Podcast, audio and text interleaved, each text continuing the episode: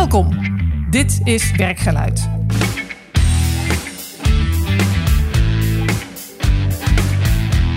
Mijn naam is Marjolein Veringa en ik ga iedere podcast in gesprek met leiders over belangrijke momenten in hun werk.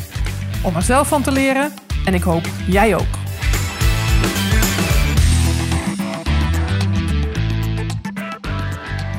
Dag allemaal. Vandaag spreek ik met Marte Walter. Marte is freelance, schrijver en spreker.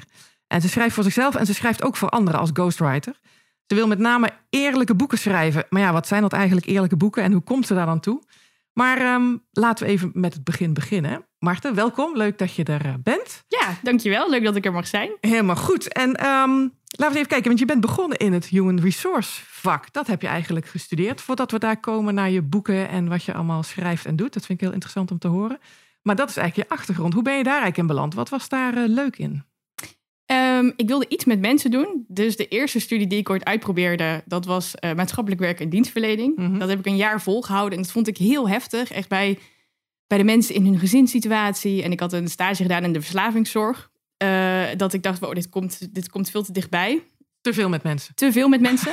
ja, te veel met mensen. En toen uh, hoorde ik via via iemand die Human Resource Management ging studeren. En toen dacht ik, wat leuk, dat is nog steeds met mensen, mm -hmm. maar echt in een, specifieke, uh, in een specifiek vak, de wereld van werk.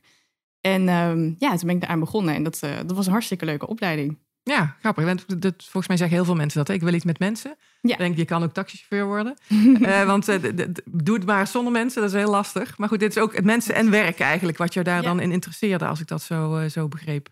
Ja, ik heb zelf um, uh, als kind ging mijn moeder ooit burn-out. Dus dat heb ik van de zijlijn meegemaakt zonder dat ik nog snapte wat dat precies uh, was. Mm -hmm. Dus toen is wel ook een soort van inzicht gekomen dat werk heel belangrijk is. Dat als je uh, het niet leuk hebt op je werk, ja, dan neem je dat mee naar huis. Ja. Dus hoe mooi als er tools zijn en nou ja, adviezen en hulp die je kan bieden om die wereld van werken een leuke plek te maken. Ja, en die zijn leuk, maar dat je er zelfs niet ziek van wordt. Dat, dat is niet ziek van ja, wordt. Ja, ja. nee, dat, daar, kan ik me helemaal in vinden, want dat is ook wat ik altijd doe. Hè? Van hoe kan je op een leuke manier werken? Hoe kan het beter gewoon uh, daarin? Um, maar toen gebeurde er ook iets met jou op een gegeven moment. Ja. kan je daar iets over vertellen? Uh, ik uh, kreeg een, een auto-ongeluk onder woon-werkverkeer. Mm -hmm. Dus ik was eigenlijk net begonnen uh, als HR-trainee consultant bij een groot HR-dienstverlener. En ik had uh, mijn laptop en mijn leaseauto. En ja, die werd van de snelweg afgereden. Jeetje, ja. Ja, dus toen, ehm, toen viel ik uit. Toen kon ik mijn werk niet meer doen. En gelukkig had ik toen een, een loopbaancoach. Teus heet hij. Mm -hmm. En die zei, wat een, wat een geweldig moment dit is namelijk de perfecte tijd om nu een verlanglijst te maken. Dat is wel even omdenken, denk ik. Even omdenken, ja. ja. Ik dacht alleen maar, oh, ik moet weer terug. En ik zat in een, um, in een high potential programma met nog vijf andere mensen. Dus het voelde ook nog alsof ik achterliep in een soort race, zeg maar. Mm -hmm. um, en toen had ik een loopbaancoach die me dus heel erg stimuleerde om een, om een verlanglijst te maken. En um, ja, om om te denken. Ja. Toen, en werd dat een andere verlanglijst dan je eigenlijk al had als HR? Ja. Zeker. Ik had het idee, ik ga hier een traineeship doen en dan groei ik door tot major uh, consultant en senior consultant. En we werkten nog lang en gelukkig. Mhm. Mm -hmm. dat, was wel het, uh, dat was wel het idee. Dat liep even anders. en wat in dat, in dat auto-ongeluk dacht jij van, ja, maar hoe wil ik het nou anders? Hoe, hoe ging dat? Um, ik werd door de bedrijfsarts doorgestuurd naar een uh, revalidatietraject, een arbeidsrevalidatietraject. Mm -hmm. Dat ik twee dagdelen per week nou ja, naar arbeidsrevalidatie ging toen zei ze al, dit wordt het allergrootste cadeau wat je jezelf ooit gaat doen. En ik dacht alleen maar, ik heb hier geen tijd voor. Ik heb hier geen zin in. En hoe dan? Uh, en daar waren er uh, nou, verschillende partijen die zich met die arbeidsrevalidatie bemoeiden. Mhm. Mm -hmm. Dus een, uh, een, psycholoog, een fysiotherapeut en ook een... Um, moet ik even denken hoe dat het ook weer heet. Nou, een, een professional die je helpt met hoe dat je je dag weer in kan delen en zo, zeg maar. En toen ben ik eigenlijk na gaan denken, wat is werken nou precies? En wat, uh, um, wat nou als het niet is wat de maatschappij een soort van dwingt dat het is? 40 mm -hmm. uur ergens op een kantoor. En parttime was volgens mij ook helemaal geen optie uh, in, in die setting waar ik toen in zat. Ja. Dus toen ben ik na gaan denken, als ik het helemaal voor het zeggen had. Dus letterlijk, als ik, als ik een verlanglijstje mag maken. Hoe ziet het er dan uit? Ja, en wat stond er op dat verlanglijstje? Toen ben ik gaan schrijven voor het eerst. Toen dacht ik, als ik niet kan HRM'en, kan ik wel schrijven over wat ik, wat ik zie in dat HR-werkveld. Uh, Ik werkte uh, bij een bedrijf dat vooral uh, opdrachten had in de publieke sector. Dat is een sector waar de dingen vaak nogal eh, traag eh, gaan. Bijvoorbeeld, laten we alles op papier printen in plaats van digitaliseren. Dat duurt allemaal heel lang. Ehm, en toen schreef ik mijn eerste serie, De Arbeidsrelatie. Waarin ik eh, problemen op de werkvloer vergeleek met wat als het niet je baas was, maar je partner. Mhm. Dus als je zeg maar, je persoonlijke eigenschappen meeneemt, hoe zou je dan met elkaar eh, in gesprek gaan? En toen vond ik dat schrijven zo leuk dat ik niet meer terug wilde naar mijn, naar mijn HR-consultancy-baan. Nieuwe, ja, passie klinkt altijd zo groot, maar een nieuw, nieuw ding, dat, dat hoort helemaal bij mij. Ja, Ja. en schrijven was iets wat ik echt als kind al, eh, al deed. Dat zeggen de meeste schrijvers. Ehm, maar dat werd heel erg gezien ook op school als een hobby. Schrijven is een hobby. Dat is niet iets waar je, waar je geld mee kan verdienen. Of waar je, nou ja, waar je je leven van kan maken. Ja. Dus ik, ik had gewoon nooit bedacht dat dat een optie was. Nee, staat gewoon niet in het pakket. Zat gewoon niet in het pakket. Nee. Nee. Dus ik zat, zat me ook wel af te vragen, waar heb je ooit schrijven geleerd? Maar goed, kan ik ook tegen mezelf zeggen. Ik schrijf ook heel graag. Heb ik volgens mij ook nooit ergens echt geleerd. Hoe heb jij dat gedaan? Ehm, ja, ik weet dat ik als kind al mijn eigen eh bedtijdverhaaltjes schreef. Dus in plaats van dat eh, mijn moeder kwam voorlezen, Mhm. eh, had ik iets geschreven. Oké, wat er- leuk. Ja, dan, en dan mocht zij dan voordragen aan mij. Dat dan Ja. weer wel. Dus dat heeft er eigenlijk altijd al ingezeten. En ook dagboeken bijhouden. Mijn moeder deed dat ook als kind. Die heeft echt hele stapels met oude dagboeken liggen op zolder. Dus ehm, ik denk dat dat het ook wel een beetje is. Hè? Dat dat, als je dat ziet, dan ga je dat doen. Ja. En mijn moeder was ook echt anti-computers en tv kijken. En wij hadden een verkleedkist om ons mee te vermaken vroeger. En wij waren altijd aan het buiten spelen en gewoon heel creatief bezig. Mhm. Dus dat, ja, dat heeft er altijd al ingezeten. Ik had ook al wel iets anders doen. Ja. ja. Dus dat schrijven stond er ineens heel hoog op jouw verlanglijst. Ja, Ja, wat stond er nog meer op? Ehm, ik vond werkgeluk dus nog interessanter als dat ik het al vond. Mhm. En ik deed toen het jaarprogramma van 365 dagen succesvol. En eh, toen ben ik daar gaan werken. Ik leerde hen kennen in een, eh, eh, in een setting dat zij meer in company trainingen ook zouden gaan doen. Ze Mhm. namelijk een soort van 365 dagen succesvol meets de wereld van HR Mhm. combinatie maken. Dat vond ik natuurlijk heel erg leuk. Nee? Kan je even uitleggen voor de luisteraar die denkt... wat is 365 dagen succesvol? Wat, wat was hun doel? Eh, zij hadden ooit als missie om Nederland het gelukkigste land van de, van de wereld te maken. En zij, hebben, eh, zij schrijven boeken en hebben persoonlijke jaar, eh, hebben jaarprogramma's op het gebied van persoonlijke ontwikkeling. Oké. Dat is eigenlijk wat ze. En daar hielp je eigenlijk in mee. eh. Ja, ik was adviseur, dus ik ging met mensen in gesprek die ehm, erover nadachten om dat programma te gaan doen. Echt wel ook een soort van specialisatie in de kant van HR. Met Mhm. hoe ga je met je werkgever in gesprek? Ik wil dat programma doen. Want soms is er een opleidingsbudget, soms is dat niet. Eh, als het met jou beter gaat, ga je ook beter presteren op je werk. Dus Mhm. het is ook niet een hele gekke vraag om te vragen of dat je werkgever daarin wil investeren. Eh, en ook of de timing goed was, daar, ehm, dat, dat deed ik bij hun. Ja. Ja, en dat past heel goed bij jouw zoek naar werkgeluk. En hoe kan werk ook gewoon leuk en fijn zijn? Ja, ik vond hun wel. ehm, ze hadden ook wel het imago dat ze een organisatie waren die, die zoveel met geluk bezig was. Dat ik dacht, dat is het. Ik moet soort van terug naar die bron van wat is nou precies geluk. En, en dan in mijn visie, wat is werkgeluk. Mhm. Ehm, dus dat was heel leuk dat ik daar, eh, eh, dat ik daar ging werken. Ja. Ja, nou, mooi. Maar dan, ehm, daar ben je niet blijven hangen. Hey. Nee, hoe ging dat? Eh, ik, had, ik ben eigenlijk ooit begonnen met bloggen voor hun. En daar moest je een KVK-nummer voor aanvragen. Mhm. Dat vond ik toen heel spannend. Ik dacht namelijk dat de KVK een soort van expeditie Robinson-achtige proef had. Dat je door allerlei rondes heen moest. En dan misschien wel eigen baas moet worden. Mhm. Nou, dat is niet zo. Je legt Nee. 50 euro neer en Je maakt een afspraak. En bam, je bent een baas. ja, dus dat ging heel snel. En ze vertellen je ook niet verder eh, in, in die tijd heel goed waar je dan op voor moet eh, eh, bereiden of zo. Mhm. Dus ik, ik had dat gedaan om voor hun blog te schrijven. Uiteindelijk maar één blog voor ze geschreven. En toen had ik dat wel op mijn LinkedIn gezet. Freelance schrijver. En toen kwamen er eigenlijk steeds grotere opdrachten binnen. Want de combinatie van schrijven en HR-kennis, dat Mhm. was toen nog niet zoveel. Dus ehm, eh, toen ben ik mijn eerste opleidingen gaan schrijven en syllabussen. En eh, toen eh, werd dat steeds groter.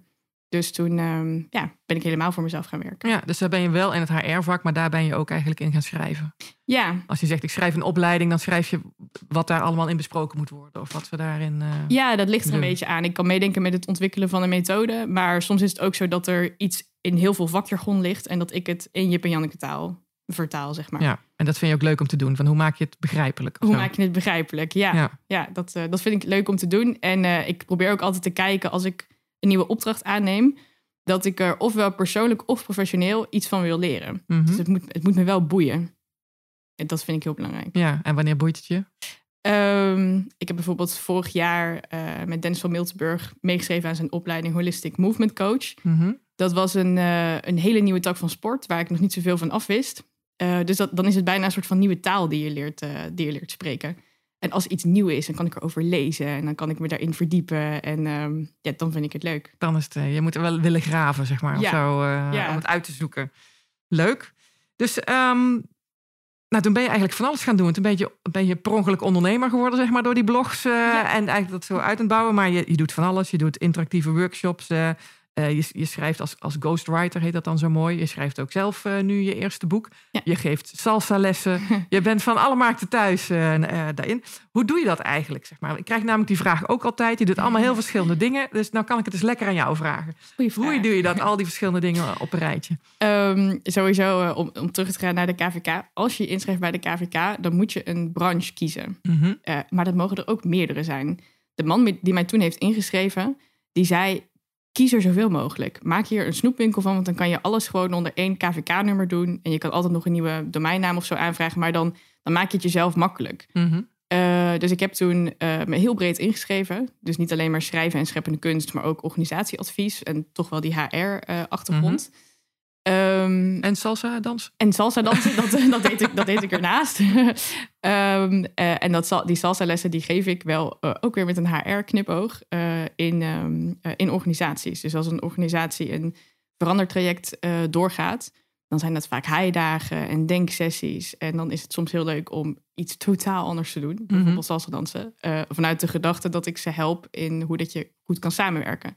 Dansen is namelijk samenwerken. Ja. Er is iemand die leidt, er is iemand die volgt. Hoe doe je dat? En om met elkaar inhoudelijk in gesprek te gaan over waarom heb jij die PowerPoint-presentatie nou niet gedaan zoals ik het wilde, eh, is veel eh, makkelijker eigenlijk stiekem dan, eh, dan dansen. Want als iemand niet goed leidt, kan je het ook niet volgen. Nee. Dat is een veel, mak- het is een veel beter gesprek om te hebben met elkaar. Mhm. Dat je ook ziet van, hé, hey, ik, ik, ik doe iets niet goed, want die persoon kan mij niet volgen. nee. En in dansen gaat het heel snel. Dus dat, eh, En vaak zeggen we tegen degene die niet goed kan volgen dat, die, dat daar iets mis is. ja, terwijl in dansen de regel is dat eh, eh, je zo goed kan dansen als dat je geleid wordt. Ja. Nou, mooie, mooie, Ja. mooie vergelijking daarin. ja. Ja, dus het netwerk wat ik had opgebouwd in mijn tijd als HR-consultant en gewoon in de, de wereld van HR, dat is eigenlijk dezelfde vijver waar ik in vis als ik nou ja, dansworkshops geef. En je zei net, ik kom bij de KVK. Ik, eh, je schrijft je in, je staat in 10 minuten sta je weer buiten. Hè? Zo simpel is het. eh, dan ben je ineens ondernemer. Hoera. Ja. Maar je zei, ik, ik miste eigenlijk iets. Ik, je kan allemaal wel cursussen en je krijgt foldertjes en dat soort dingen. Maar je moet het daarna inderdaad zelf uitzoeken. Hoe, hoe heb je dat gedaan zelf voor jou? Het ondernemer zijn? Ehm, ik heb in het begin echt letterlijk gegoogeld, wat is een offerte? Hoe maak je dat? Wat is een uurtarief? Eh, ik, ik had eigenlijk gewoon echt geen idee. Mhm. En dat vertellen ze je ook niet. Zo van, nou, dan, jij zit in, deze, in dit vak, je bent medior, senior, weet ik het wat. Daar past deze prijs op. Dat mag je allemaal zelf bedenken. Ja. En ik had toen in mijn omgeving een ondernemer eh, die ook in de HR-dienstverlening werkte. Mhm. Al jaren. en daarvan dacht ik, oh, die weet, die weet alles. Dus als ik vastliep, en in het begin ook met ja, offertes maken, eh, dacht ik, ik ga gewoon een voorbeeld vragen. Eh, en daar maakte ik meteen mijn eerste fuck-up. Ja. Dat ik eh, mijn eerste opdracht deed, dat ging goed. Toen werd ik gevraagd voor een vervolgopdracht. Mhm. En eh, toen vroeg ik hulp om een nieuwe offerte te maken aan die ondernemer die het al een tijdje deed. En die zei, jeetje, met dit uurtarief moet je wel heel lang werken. En hoezo? Vraag jij geen tijd om, het, om een offerte te schrijven? Moet je ook een, uur, moet je ook een uurtarief voor rekenen? Mhm. En ik voelde dat ik dacht, oh, dat, dat voelt eigenlijk niet lekker. Dat ik nu voor een vervolgopdracht bij eenzelfde klant opeens mijn uurtarief omhoog gooi. En opeens tijd ga rekenen om een offerte te maken. Maar ja, ik heb geen idee waar ik mee bezig ben. Die persoon zal het wel weten. Laat ik dat advies maar opvolgen. Mhm.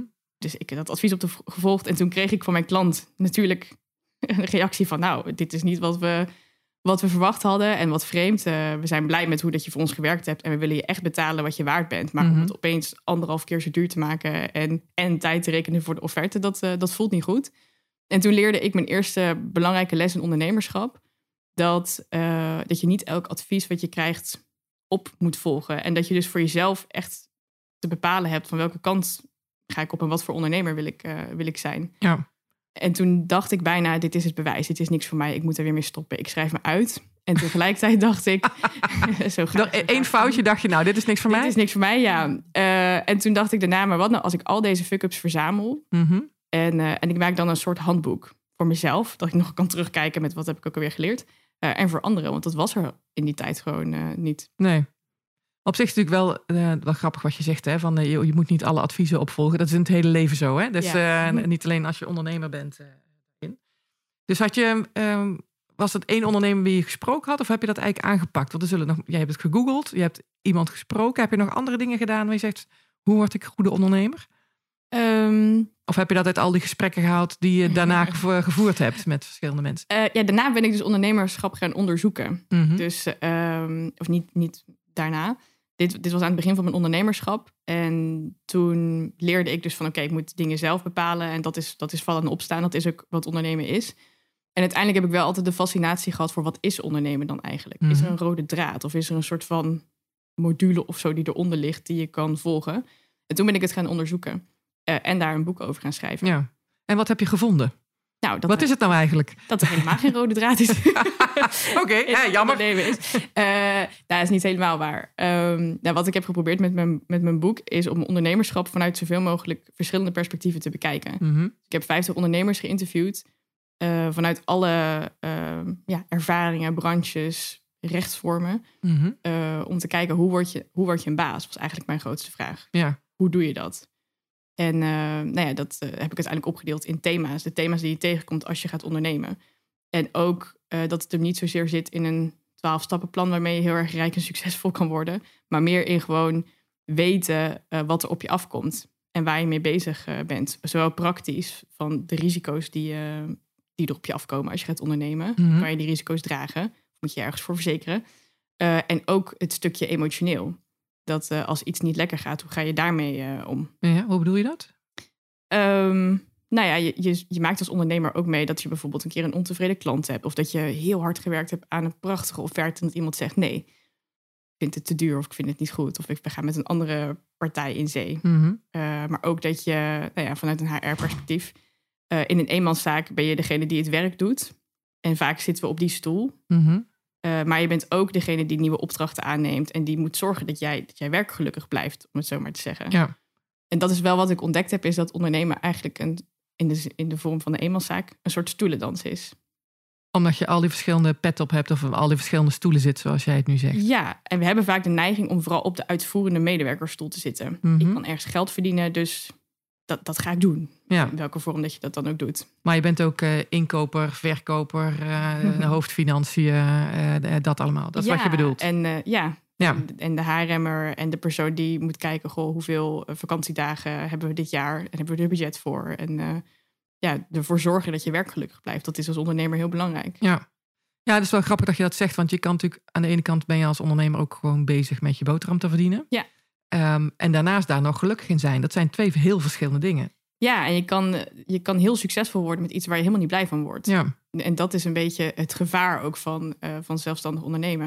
En het grappige is dat dit in de wet geregeld is voor werkgevers en werknemers. Dus als Mhm. je vanaf één medewerker is er zoiets als goed werkgeverschap in Ja. de wet. Er zijn wetten en regels um, over hoe dat je een goede werkgever moet zijn. Een werkgever moet jou voorzien van werk, uh, van een werkplek, eventueel van de tools die je nodig hebt om dat werk te kunnen uitvoeren. Mhm. Um, en die draagt dus bij aan dat welzijn en dat werkgeluk. Ja. Uh, de ene organisatie doet daar meer zijn best voor als de ander, maar in principe moet dat ook van de wet. Mhm. Als uh, eenmanszaak val je door de maas van die wet, want je bent nog werknemer, nog werkgever. Ja, je moet gewoon voor jezelf Je zorgen. voor jezelf zorgen. Ja. Ja.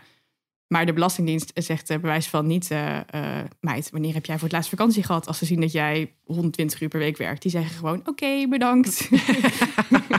Fijn, we nemen daar een groot percentage van mee. En uh, morgen weer bewijs van. Dus dat, dat moet je echt voor jezelf op de agenda zetten. Ja. Maar ja, dat is natuurlijk misschien ook wel het leuke aan ondernemerschap. Dat je het ook allemaal zelf kan. Aan de ene kant moet je het allemaal zelf regelen. Aan de andere kant kan je het ook allemaal zelf regelen. Je hoeft verder aan niemand verantwoording af te leggen. Ja, aan je eigen klanten. Ja. Je kan het zelf inregelen. Dus je zegt, nou, ik, ik ga, net zoals wat jij doet, ik ga mijn eigen boek schrijven. Ik ga anderen helpen met boeken schrijven. Ik ga. Je kan, dus dat zit daar natuurlijk ook wel in. Zeg maar. maar het is natuurlijk een veel grotere eigen verantwoordelijkheid die je daarin hebt. Ja, en, en, en ik werd daar zelf pas bewust van na, na de, de eerste twee jaar. Mm -hmm. Dat ik dacht, oh, dit, is, dit zou ik eens in mijn agenda moeten zetten. En dacht dat ik nadenk over hoe blij ik word van de dingen die ik doe. In plaats van dat ik alleen maar dingen aan het doen ben En ik heb dit ook gevraagd in de interviews die ik, die ik deed voor mijn boek. Van wanneer ben je lekker ingewerkt in je eigen bedrijf? Mhm. Leuke vraag. Ja, nou, dat duurt gemiddeld een jaar of twee. Ja. Twee jaar. En in die twee jaar kan, kan je burn-out gaan. Er kan, er kan, van alles, kan van alles gebeuren. En, uh, en dat vertellen ze je er niet bij als je je bedrijf inschrijft. Dus het is wel goed om daar, uh, om daar bewust van te zijn. Dus ik heb in het boek ook een, uh, een bijsluiter zitten. Net als mm -hmm. dat je mhm. die hebt bij paracetamol. Ja. heb ik de bijsluiter van zelfstandig ondernemerschap. Dus welke bijwerkingen kan je daarbij verwachten? Want dat, ja, dat zijn er nogal wat. Ja, en noem, er eens een paar. Welke bijwerkingen kunnen we verwachten? Ligt er natuurlijk ook aan of dat je bepaalde dingen voor jezelf wel mm goed geregeld dus altijd met de bijsluiter, hè? Of je wel of niet. Ja, dat is waar. Um, uh, nou ja, bijvoorbeeld dat als je op vakantie gaat, dat het heel verleidelijk is om je laptop of je telefoon mee te nemen. En dat, uh, um, dat je als zelfstandig ondernemer misschien net iets vaker als in loondienst jezelf uit moet zetten. Mm -hmm. Uh, en dat is heel moeilijk, want je bent, jij bent je bedrijf. Je kan niet naar een gebouw wijzen en zeggen: Kijk, daar werk ik. Nee. Nee, dat ben je als zelfstandig ondernemer zelf. Dus um, uh, ja, daar, als je dat niet goed regelt voor jezelf, dan kan je ervan wakker liggen, uh, een soort stressgevoelens krijgen. Mm -hmm. nou ja, eindstation van, van heel veel stress is burn-out. Je kan er burn-out van gaan. Um, het, is ook, het heeft ook een invloed op je, op je relatie op je, op je gezinssituatie. Mm -hmm. uh, misschien zelfs wel op, uh, uh, nou ja, op, op, de rest van je omgeving. Je moet best wel wat ehm, ja, offers leveren, om het zo maar te zeggen, om een bedrijf helemaal zelf te bouwen. Ja. En jezelf dan ook nog lekker in te werken. Kijk, moet je er eigenlijk wel aan beginnen als ik het zo hoor. Denk jeetje. um, nou ja, het, het, heeft natuurlijk ook heel veel voordelen. In principe is de, de keerzijde van vrijheid is verantwoordelijkheid. Mm -hmm. Dus hoe ik naar zelfstandig ondernemerschap kijk. Ja. Dus alle leuke dingen. Gisteren was het super mooi weer. Toen dacht ik, ik geef mezelf vrij. Ik ga met mijn workwife op het terras zitten en aan de mimosa's. Mm -hmm. Dat kan. Ja. Maar betekent wel dat ik de verantwoordelijkheid heb om ervoor te zorgen dat de workload die ik heb en de afspraken die ik heb, dat dat doorloopt. Dat, dat, uh, dat iemand dat oppakt. Ja. Die iemand, dat ben ik. Ja. Nee, zeker waar. En het is grappig ook wel, want heel veel uh, organisaties zijn nu bijvoorbeeld met hybride werken bezig. Ja. En uh, dat, uh, nou, dat raakt dit bijna. Hè? Want eigenlijk is dat een soort hybride vorm. Dat je zegt van nou, het is nu drie uur s middags, de zon schijnt. Ik ga lekker mimosa's drinken. Ja. Uh, met hybride werken zou je dat in wezen ook kunnen doen. Weet je wat? Ik, ga, ik ben gewoon met een loondienst, maar ik drink die mimosa's. En ik ga vanavond om negen uur nog even mijn laptop open doen om mijn beleidsdocument af te schrijven of whatever, zeg maar. Hè? Ja. Dus daar zijn we daar ook mee aan het stoeien. Dus eigenlijk is dat hybride werken misschien wel een beetje het ZZP-schap of zo in loondienst. Ja, ik denk ook dat je, dat je in loondienst ook heel ondernemend kan, uh, kan zijn. En Mhm. ondernemerschap is ook voor de meeste mensen die ik heb geïnterviewd, is een vehikel om te doen wat ze doen. Maar stel dat, stel dat dat in loondienst kan, zouden de meeste mensen dat ook wel prima, uh, niet de meeste mensen, maar zou een groot gedeelte dat ook wel prima, uh, prima vinden. Ja. En wat hybride werken betreft, ik hoop ook als HRM'er en zeg maar het hart wat ik heb voor werkgeluk en dat, dat het goed gaat met, uh, met de mensen, uh, dat dat meer de norm wordt. Dat we in de COVID-tijd gezien hebben, je kan mensen gewoon vertrouwen uh, om ze naar huis te sturen met een laptop en dat het werk dan ook gedaan wordt. Zelfs als je daar niet 24/7 met je neus bovenop zit. Sterker nog, misschien wordt het werk wel beter gedaan. Mm-hmm. En worden ze er wel gelukkiger van als ze inderdaad om drie uur 's middags ook kunnen denken: het is tijd voor een mimosa en ik pak het vanavond of morgen wel weer op. Ja. Ja, mooi. Ja, ik zie daar heel veel organisaties in en iedereen is daar een beetje aan het struggelen van hoeveel laat je vrij, hoeveel laat je niet vrij. Leuk uh, onderwerp. Wat ik ook nog, een andere wat me toch nog wel triggerde daarin, dat je zegt, eigenlijk heb je twee jaar nodig om je in je eigen bedrijf in te werken. Vind ik eigenlijk wel een mooie, mooie stelling daarin. Um, hoe je dat eigenlijk ziet als je ondernemer bent, uh, dat je jezelf misschien nog wel veel meer moet ontdekken dan als je ergens in een functie belandt, met een functieomschrijving en dit is wat je hoort te doen als uh, en ondernemer doen we, zetten we hier iedere keer als slash ZZP'er zeg maar in. Ja. Moet je ook nog je product zijn en wat, wat verkoopt wel, wat verkoopt niet, wat, wat kan ik, wat kan ik niet minder goed uh, en, en welk pakketje is eigenlijk te vermarkten, om het zo maar heel groot uh, te zeggen. Hoe heb jij dat gedaan? Hoe, hoe ben jij tot jouw eigen product of serie van producten gekomen? Hoe heb je dat ontwikkeld? Wat een leuke vraag. Ik ga even hoesten. Um... Ja, dat, dat is ook wel interessant. Dat, uh, uh, dat er een verschil is tussen uh, zelf iets ontwerpen of op aanvraag iets doen. Ik heb zeker de eerste twee jaar heb ik, had ik helemaal geen product ontworpen of zo. Dacht ik gewoon elke keer als ik een aanvraag kreeg, hoera, iemand wil mij betalen om te schrijven, te spreken, te sparren. Iets, iets in die categorie. Ehm, en dan was het heel erg your wish is my command. Ja. Wat wil je dat ik doe? Prima, dat doe ik wel. Uh, totdat ik ontdekte dat ik daar helemaal niet blij van werd. Uh, en dat het bijvoorbeeld ook niet handig is als je blogs verkoopt, dat je elke keer een losse blog verkoopt.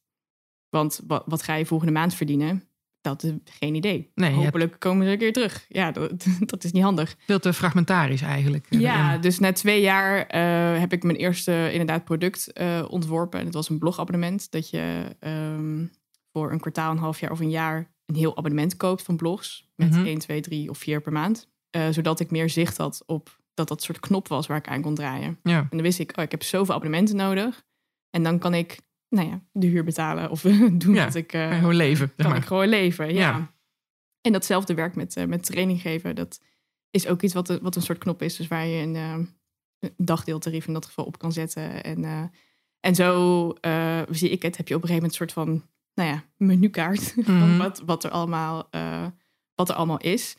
En dan is vervolgens de kunst om je af te vragen, uh, waar word ik blij van? Ja. Op een gegeven moment verkocht ik heel veel blogabonnementen, maar daar werd ik eigenlijk helemaal niet blij van. Nee. Want ik vind het ook leuk om een groot onderzoek te doen en boeken te schrijven.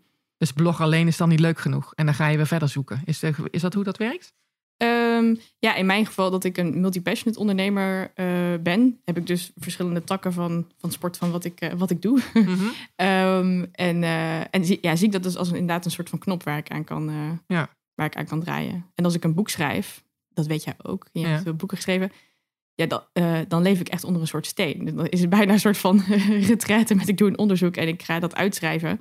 Um, dan vind ik het niet fijn om daarnaast heel veel blogpakketten te verkopen. Ik vind het wel fijn om dan af en toe uh, een spreekevent te hebben. Mm -hmm. Kom ik een keer uit die Riders Cave en dan uh, ben ik weer met mensen, kan ik me daaraan opladen en wil ik daarna ook weer graag terug uh, in mijn schrijfretraite. Mm -hmm.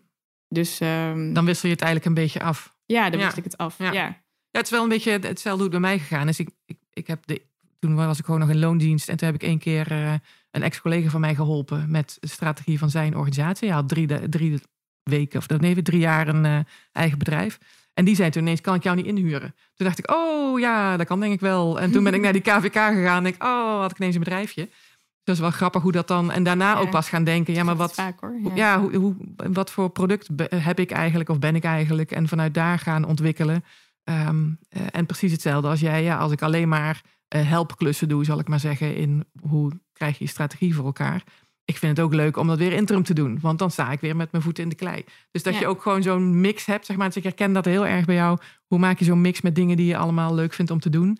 En hoe past dat in jouw totaal als, als wie jij bent... dat mensen dat ook herkennen, die verschillende dingen? Ja, als merk inderdaad. Ja, als merk. En hoe, hoe pak jij dat aan? Dat mensen niet alleen denken van... eh, oh ja, Marten, ja, dat is blogs.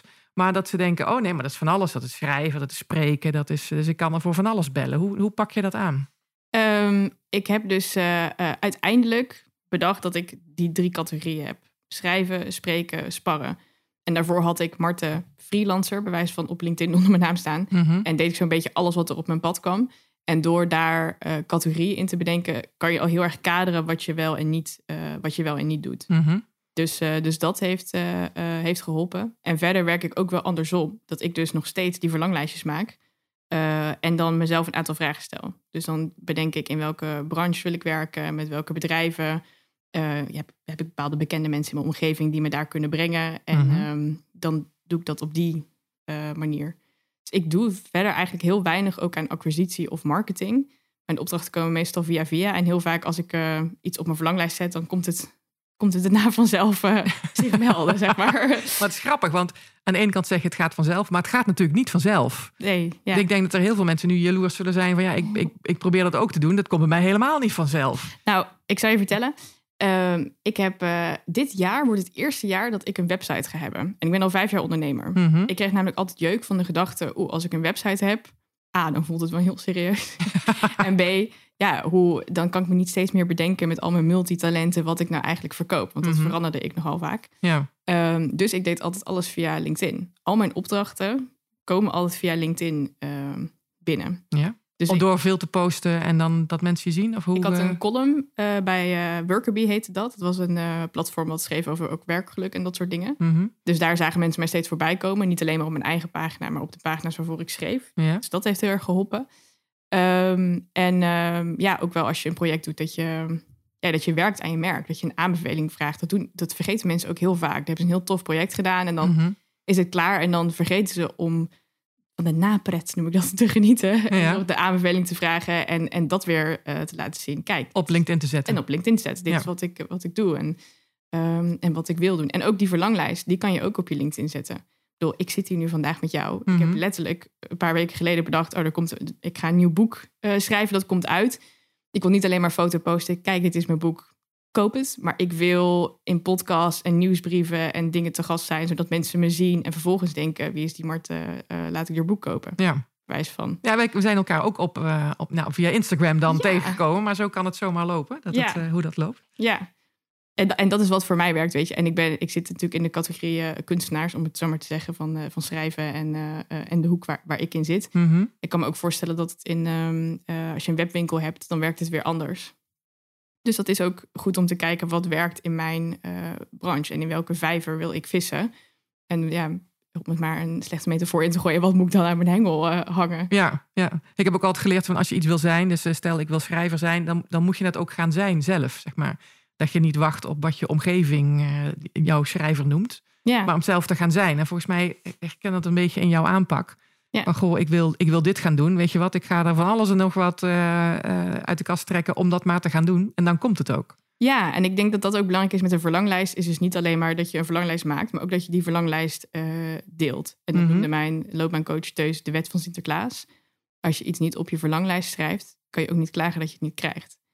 Als ik een verlanglijst maak, dan doe ik die niet stiekem onder mijn nacht, onder mijn kussen of zo, Mhm. dat die alleen maar voorbij is. Maar dan deel ik met mensen. "Goh, Het lijkt mij zo leuk om een keer een boek te schrijven, of het lijkt me zo leuk om een keer eh, dit te doen. En zo ben ik ook gevraagd voor mijn eerste boek. Ehm, was toevallig ook via deze loopbaancoach eh Teus. Mhm. Daar had ik ooit laten weten, het lijkt mij heel tof om een boek te schrijven.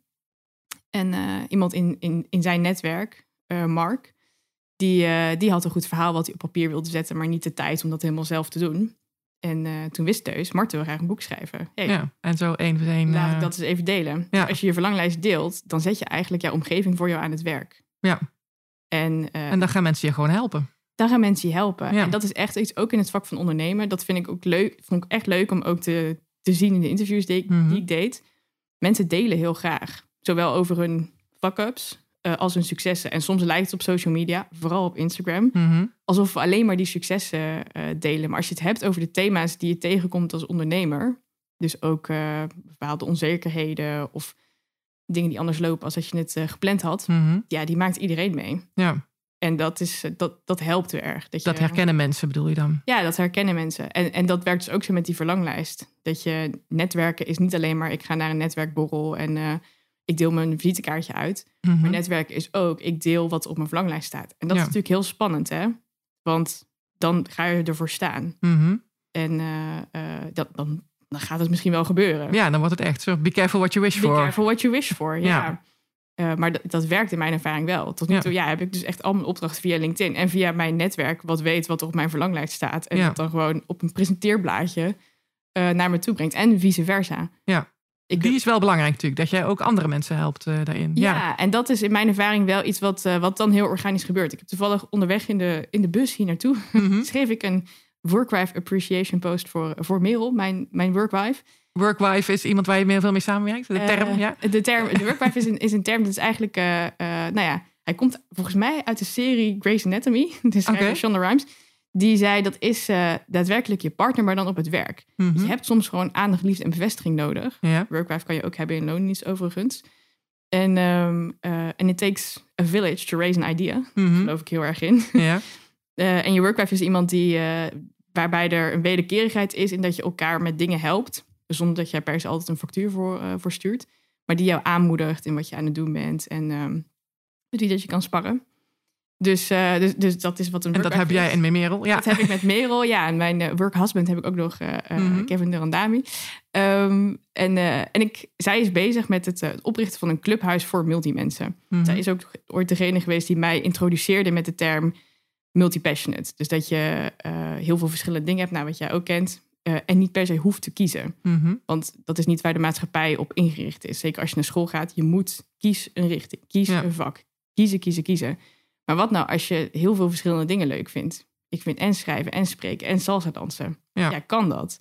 Dus wakker worden op dat dat kan, dat, is, ja, dat maakt een wereld van verschil. Daar heeft zij me heel erg bij geholpen. Ehm, dus ik heb bijvoorbeeld vanochtend een soort van appreciation post voor haar geschreven op, eh, op Instagram. Mhm. Eh, om ook mijn netwerk te laten weten: hé, hey, er komt een clubhuis voor multimensen. Ja, en dat is wel leuk om dat te horen. Is weer leuk om dat te Ja. horen. Dus dat, en ik weet dat, dat dat staat op haar verlanglijst. Dus wat kan ik doen om haar daarbij te helpen? Nou, bijvoorbeeld een keer zo'n post Leuk. maken. Ja. Nou, zo help je elkaar weer. Wat ik wel grappig vind, want ik, eh, dat multi-passionate, zoals je dat dan noemt. Ik herken dat heel erg. Ik vind dat ook heel leuk. Daar zeggen ook wel eens mensen tegen me van ja, hallo. Als je ehm, eh, een enorme hardloper wil worden, moet je niet ook gaan hoogspringen. Want dan moet je, ja, als je al je energie en tijd in één ding stopt, dan word je daar heel erg goed in. En als je en schrijft en spreekt en salsa danst, ik noem maar even wat. Ja, ben je dan heel goed in drie dingen? Of, eh, of ben je een beetje goed in drie dingen? Of hoe werkt dat dan? Hoe kijk jij daarnaar? Eh, ja, moet je ook moet je overal de beste in zijn? Dat is ook maar de vraag. Mhm.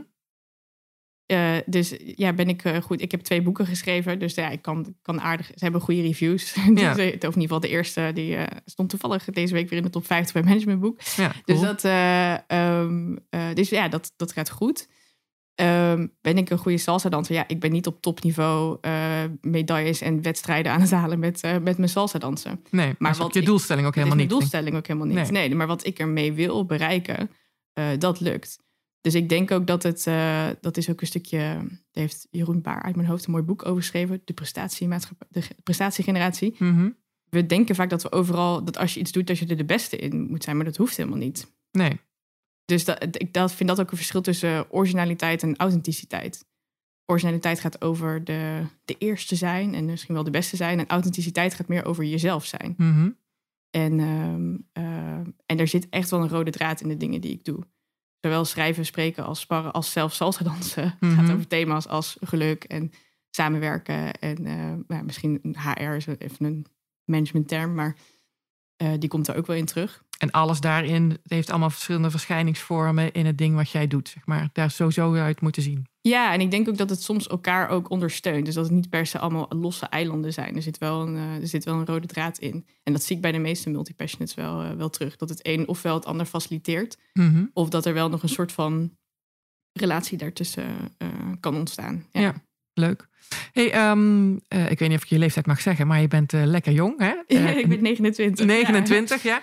Ehm, eh, dan ben ik altijd wel benieuwd van, joh, waar, waar gaat het nog heen? Wat, eh, wat is het? eh, wat, wat, ja, wat, wat word je als je laat groot bent? Is dan zo'n vraag. Maar wat, wat is nog een groot doel? Als we het toch over je verlanglijstje hebben. Ja, dat is leuk om die te delen. Er staat op mijn verlanglijst dat ik ooit een TED-talk wil geven. Mhm. Waarvan ik dus wel, dat is de vorm. Maar wat ik vooral wil, is dat ik gewoon een heel goed verhaal maak. Mhm. En toevallig zou ik dat dan kunnen delen op bijvoorbeeld een platform als TED. Mhm. Dat lijkt me tof. Ehm, ik wil ook nog graag meer boeken schrijven. Eerlijke boeken schrijven. Mhm. Want wat is dat, een eerlijk boek? Daar hadden we het in het begin al heel even kort over. Ja, een eerlijk boek. ehm, Zijn er oneerlijke boeken, denk ik dan? nou, eh, wat, hoe ik mezelf eh, zie, is dat ik ehm, eh, vroeger als kind was ik heel erg fan van de serie Hoe overleef ik? Dat was een boekenserie die ging over hoe overleef je de scheiding van je ouders, de basisschool, de brugklas, je eerste Mhm. seizoen, van alles. En het was een boek wat, eh, wat ging over ook dingen die ons soms ongemakkelijk maken, waar je eigenlijk niet over wil praten. Of in die tijd ook scheiding van je ouders. Ja, dat mensen, oeh, Ja, lastig onderwerp. Lastig onderwerp. Eh, dus dat, dus dat Mhm. eh, om daar een boekje over open te doen. en dingen in het licht te zetten die we normaal liever dit soort van onder de tafel houden. Dat vind ik een eerlijk, dat vind ik een eerlijk boek. En er zijn zoveel dingen in het leven die, ehm, waar, waar we het niet over hebben. Of, Mhm. waarvan eh, bijvoorbeeld ondernemerschap. Dat we vooral de successen delen, maar niet alle andere dingen die er nog op je afkomen. Ehm, en dat vind ik belangrijk, dat, die, eh, ja, dat er gewoon ruimte is ook voor de kwetsbaarheid van, van het leven. Ja. ja, en ik hoor bij jou ook terug van ook een stuk van hoe doe je dat dan? Wat heb je Ja. eigenlijk allemaal nodig? Ook gewoon Praktisch. daarin, toch? Ja, en dat is met alles. Ik heb net mijn eerste huis gekocht. Mhm. eh, en mijn vriend is Braziliaan, die spreekt geen Nederlands. Dus ik moest ook nog eens al heel veel dingen vertalen. Mhm. En eh, ik vond het ook heel spannend. Ik dacht, ja, hoe koop je een huis? Dat doe, ik zie iedereen allemaal doen. En op Instagram zie je dan een foto met de sleutels met hoera, een huis. Maar hoe dat je daar komt en wat je allemaal moet regelen. Ja, dat, dat vertelt helemaal niemand je. Nee, dat kan je ook niet zo... Ja, in stukjes kan je het vinden. Je moet het ontdekken. Kan je het vinden. Ja, je moet het ontdekken. En, en dat zijn veel dingen die moet je dan ontdekken. Maar ja, in sommige gevallen denk ik dat het echt wel helpt als er dan een soort van in ieder geval wordt gezegd, in die hoek moet je het zoeken. Ja. En ik hoop dat ik met de boeken die ik schrijf, zeker in de vorm hoe dat ik ze schrijf, dat ik vaak mensen interview. Dus niet alleen maar Marten vertelt een verhaal, maar Marten sprak heel veel mensen. En, de, En maakt daar een verhaal van. samenvatting van. Ja. Dat is eigenlijk waar, waar ik goed in ben, samenvattingen maken. Ehm, ja, ik denk dat dat wel, eh, dat dat wel helpt. ja, leuk. Ja. Heb je als laatste nog een, ehm, een tip voor beginnende ondernemers? Je hebt het nou zo goed onderzocht, wat je denkt van ja, maar als je dat meeneemt, ja, dan ben je niet gegarandeerd succesvol, maar dat, dat helpt wel heel erg. Eh, doe het zelf, maar niet alleen. En wat houdt dat precies in? dat eh, als je zelfstandig ondernemer wordt, de naam zegt het al, denken we vaak dat we het allemaal zelf moeten weten. Mhm. En dat herken ik ook bij mezelf. Ik heb heel lang gewacht met dingen uitbesteden ook. Eh, of om hulp vragen. Ook uit angst dat hulp altijd geld kost. Dat is helemaal niet zo. Want Mm. ondernemers helpen elkaar graag en delen ook graag dingen, soms vrijblijvend. ja. Ehm, ja, en dat blijf, blijf delen. En, ehm, eh, en doe het dus zelf, maar niet alleen. Dus als je, het is heel leuk om dingen uit te proberen Mhm. van je boekhouding, ondanks dat ik die nu uitbesteed heb, eh, tot aan je eerste, weet ik het, marketingpost of zo. ja. Maar voel ook dat als, je, dat als het niet lukt, als het niet vanzelf wil en dat het je te veel energie kost, ja, ga het dan in hemelsnaam uitbesteden. Of er hulp bij vragen. En of dat nou is in de vorm van een work spouse of een business buddy Mhm. of een business coach of whatever. Dat, eh, ja. eh, Of de buurman of buurvrouw zeggen hulp. buurvrouw. Ik Ja. mijn oma ook is. Het is echt. Ik noem het altijd als grapje in de OR van mijn organisatie. krijg ze niet voor betaald. Nee, ze heeft Nee. ik heb niet officieel in dienst, maar die, eh, die, die stelt de belangrijke vragen. Oh, vind je het nog leuk? Oh, je gaat met die en die samenwerken. En eh, hoe, hoe gaat dat tussen jullie? Ja. En En niet, dat- en niet van hoeveel ga je eraan verdienen of hoeveel factuur ga je sturen, maar word je daar nou blij van? Ja, dat zijn de belangrijke vragen. En Ja. dat, is, dat is goed, omdat en dat triggert je dan weer. Ja, dat het, eh, dus dat ook, dat je, dat je jezelf afvraagt als tip voor eh, beginnende ondernemers. Word ik hier blij van? Ja. Dat iets goed kan en dat je er geld mee kan verdienen, betekent niet dat je er blij van wordt. Dus doe het zelf maar niet alleen. Ehm, en eh, ja, zorg, zorg goed voor jezelf. Niemand anders gaat het doen. Nou, mooi. Dankjewel voor dit, eh, voor dit leuke gesprek. Ja, ja en heel veel succes met je boek. Zeg nog even hoe het heet, het boek. wat een baas. Wat een baas. Dankjewel. Ja, jij bedankt.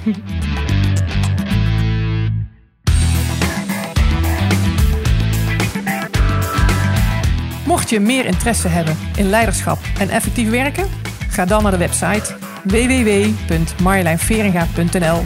Tot de volgende podcast.